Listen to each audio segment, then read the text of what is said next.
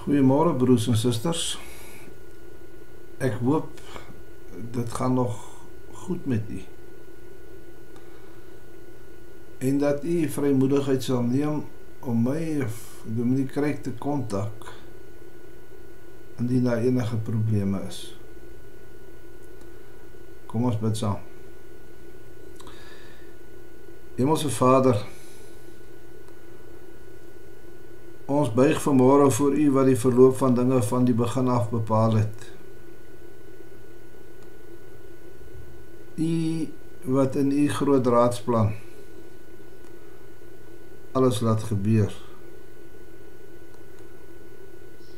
Ons wil vanmôre kom erken U is in beheer. Nie ons nie. Wanneer ons kyk na die gevolge van die COVID-19 virus dan besef ons dit terdee. Dankie dat U in U almag vir ons lief is. Maar ook met ons besig is. En ons wil bid en vra dat U Heilige Gees vir ons sal laat verstaan dat U ook deur rampe met die kinders en met die wêreld praat. Dankie dat u by ons is wanneer ons deur die water moet gaan. Dankie dat u saam met ons is wanneer ons emosies soos oorval riviere raak wat dreig om ons weg te spoel. Wanneer ons deur die vuur moet gaan van bekommernis oor geld, oor verhoudinge of ons nog werk sal hê en oor ons eie gesondheid of die van ons familie dat jy ook altyd saam met ons is. Ons wil vra o Heilige Gees dat U sal gee dat ons vanmôre U woord sal verstaan en dat ons daarop sal reageer. Ons vra dit in die naam van Jesus Christus die Here. Amen. Ek wil vanmôre met die praat na aanleiding van 'n WhatsApp WhatsApp boodskap wat ek ontvang het. Want ek dink nie ons verstaan altyd almal waarmee die Here met ons besig is nie. Na Jesus die storm stil gemaak het, lees ons in Markus 4 vers 41. En 'n groot vrees het hulle, dis nou die disippels oorweldig en hulle het vir mekaar gesê: Wie is hy tog dat selfs die wind en die see hom gehoorsaam is? Daarmee saam lees ons 'n enkele vers uit Hebreërs 13 vers 8. Jesus Christus is gister en vandag dieselfde en tot in ewigheid. Ons praat maklik oor God as dit goed gaan asof ons alles van hom weet. En wanneer dit sleg gaan, is daar mense wat dink hulle beheer vir God en wat dan altyd of baie keer maklike oplossings het. Teen die einde van Maart het ek die volgende WhatsApp boodskap ontvang. Hierdie is 'n landswye versoek Een persoon uit elke huis uit moet uit die huis uit gaan. In Psalm 91 lees in dan bid. Psalm 91 moet hardop gelees word. God sal sy engele opdrag gee en hulle sal onmiddellik neerdal of neerkom en 'n werking tree. Bid uit jou hart uit en God sal ons gehoor gee. Hierdie is kragtig. Glo dit. En stuur dit vir al jou familie en vriende en dit sal so wees. Wel is nou 6 weke later. En ek weet nie wat die engele sou doen wanneer hulle in werking tree nie. En ek weet ook nie wie of wat die oorspronklike bron van hierdie boodskap was nie. En nou vra ek myself sal die verweer nou wees dat almal nie Psalm 91 gelees het dat dit nie gewerk het nie. Was daar nie in elke huis een wat uitgegaan het en gebid het nie? My antwoord op die WhatsApp was bid eerder en vra dat God se wil sal geskied. Ek wonder of God nie juis in hierdie tyd vir ons wil laat verstaan dat ons nie so in beheer is as wat ons gedink het nie. En dat dit om meer gaan as om net te sê of te bid, Here, maak tog net gou hierdie gemors reg nie. Moet ons nie eerder vra Hoekom spreek God ons nou aan nie? Praat hy nie met ons omdat ons so met sy skepping en met mekaar mors nie? En ook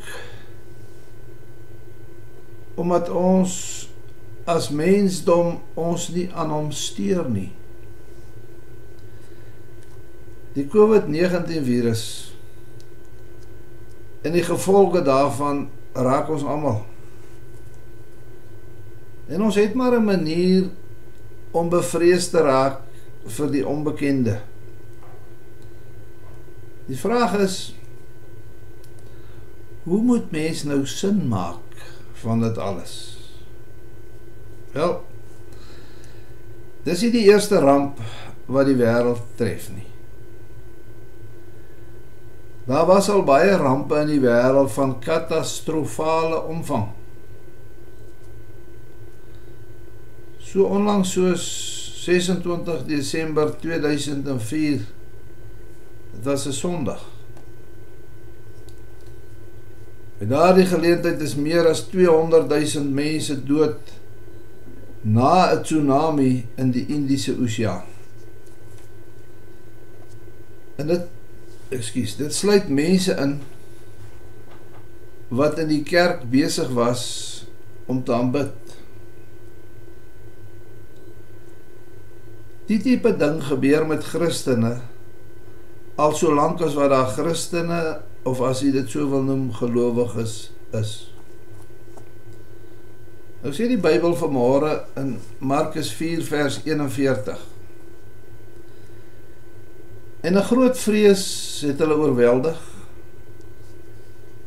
En hulle het vir mekaar gesê: Wie is hy tog?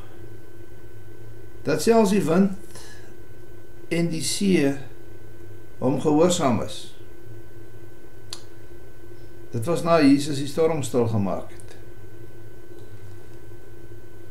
Die feit van Jesus Christus se almag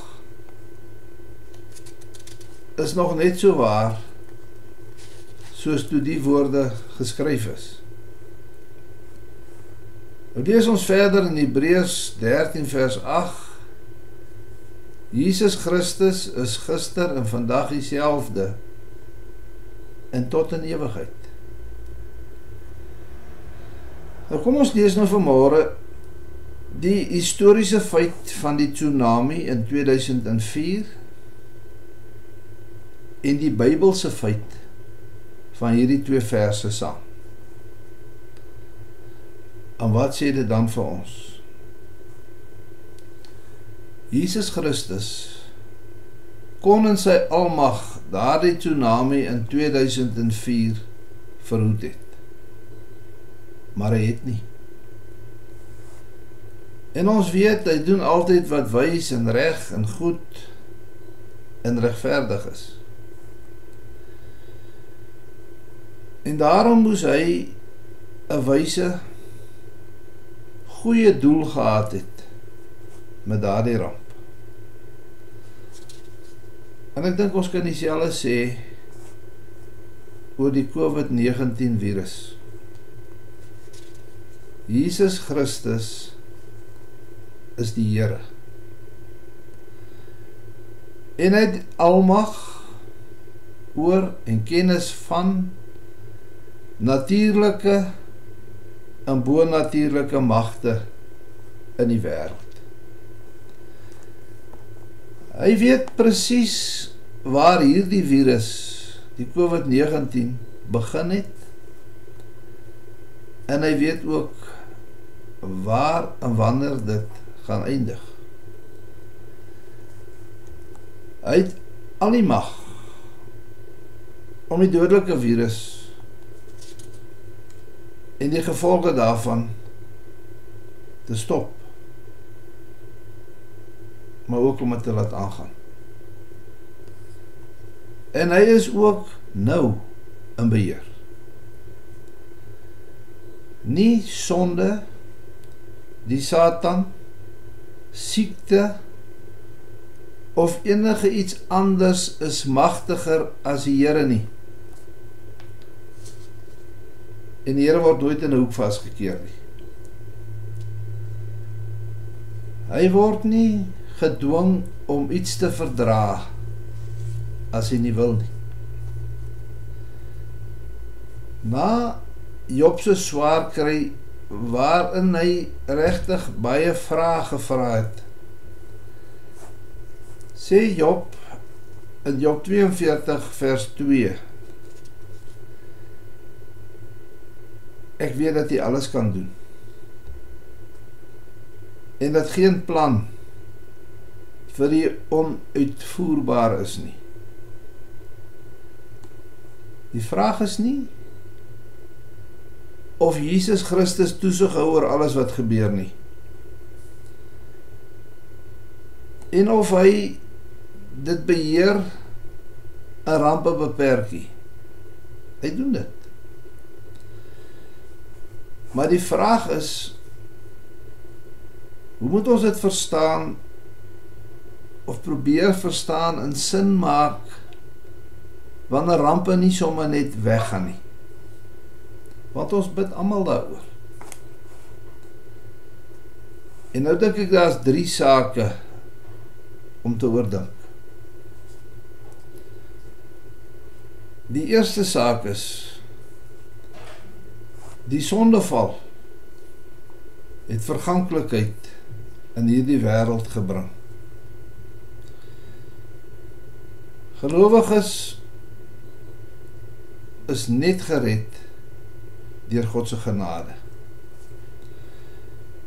Maar ons spring nie die fisiese agteruitgang van die liggaam of ons nietigheid of die dood vry nie. Dit lê mens nou af uit Romeine 8 vers 20 tot 23. Daar word vertel van die skepping wat aan nietigheid onderworpe is. Wat sug in barensnood. Maar ons sug ook in hierdie wêreld om verlos te word van hierdie verganklike liggaam en ons omstandighede hier. Tot en met die wederkoms sal die rampe in siekte in dood wees. En dit tref ons as gelowiges ook. Wat is die verskil tussen 'n gelowige en 'n ongelowige in hierdie wêreld? Ons wat glo op grond van God se woord weet dat alles hierna vir ons nuut gaan wees. Openbaring 21 vers 3 tot 5 verduidelik dit so troosvol. Ek wil dit vir u lees. Ek het 'n groot stem uit die hemel hoor sê: Kyk, die woonplek van God is nou by die mense. En hy sal by hulle woon en hulle sal sy volk wees. En God sal self by hulle wees as hulle God. En God sal al die trane van hulle oë afvee. En daar sal nie meer dood wees nie. Ook droefheid en geween en moeite sal daar nie meer wees nie. Want die eerste dinge het verbygegaan. En hy wat op die troon gesit het sê of op die troon sit sê kyk ek maak alles nuut En hy het aan my geskryf of gesê, skryf. Want hierdie woorde is betroubaar en waar. As 'n tweede saak om oor te dink. Siekte en rampe kan ook God se genade wees. In Openbaring 8 en 9 lees ons van die sewe trompette wat geblaas is. En telkens wanneer 'n trompet geblaas is, is die aarde getref deur 'n plaag. En massas mense is ook daardeur getref. In Openbaring 16 lees ons weer van die wraakbakke wat uitgegiet is as deel van God se toorn oor die sonde. Maar die groot rede hoekom dit gebeur het was dat God vir die mensdom gesê het daar's nog tyd. Bekeer julle. Nou sê ek nie vanmôre die COVID-19 is so 'n wraakbak wat uitgegiet word nie. Maar wat ek wel weet as dit mense is dat mense wat dink hulle is in beheer of wat dink hulle het vir God nie nodig nie nou baie deeglik ontdek ons is nie in beheer nie. En baie ontdek opnuut hulle afhanklikheid van die Here weet jy dis genade dat God die mensdom waarsku deur rampe want die ewigheid sonder God in die hel sal afgryslik wees. Hy gee nog 'n kans om reg te maak. Daar's 'n derde saak om te oordink. Siekte en rampe kan ook God se oordeel wees. Handelinge 12 lees ons dat Herodes hom deur die mense as 'n god laat vereer het.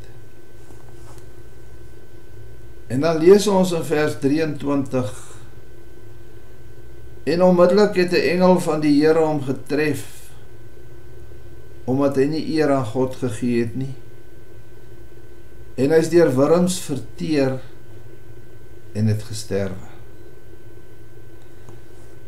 Met rampe kan God se boodskap aan mense wees. Hou op om jouself te verhef. En onthou net ek is God. Alle natuurrampe, vloede, droogte, sprinkane, tsunamies, of siektes kan God se oproep aan mense wees om tot bekering te kom.